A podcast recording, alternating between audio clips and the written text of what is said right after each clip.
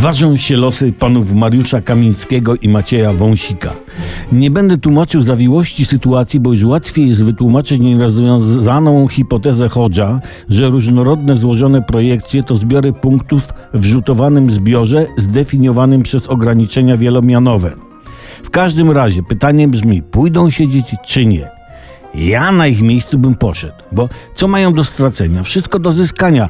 W ich przypadku odsiadka nie ma słabych luk, a mogą osiągnąć, tu uwaga, świeży dowcip, mogą osiągnąć cele.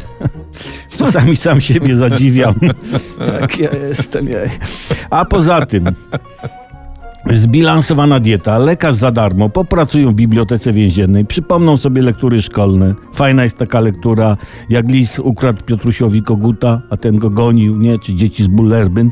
A co najważniejsze, będą więźniami politycznymi i ich macierzysta partia, partia będzie miała bohaterów, męczenników i wybory samorządowe inne to ma w kieszeni. No i wtedy to już im unieważnią te wyroki.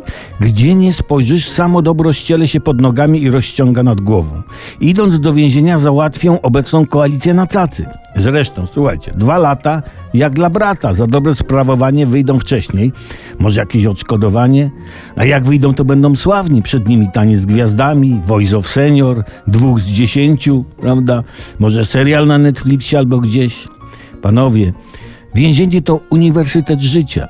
Dwa lata to takie studia podyplomowe, można powiedzieć. A jak napisał amerykański pisarz Thoreau, w takim państwie, w którym rząd niesprawiedliwie więzi ludzi, jedynym miejscem odpowiednim dla sprawiedliwego człowieka jest więzienie. Tak, panowie.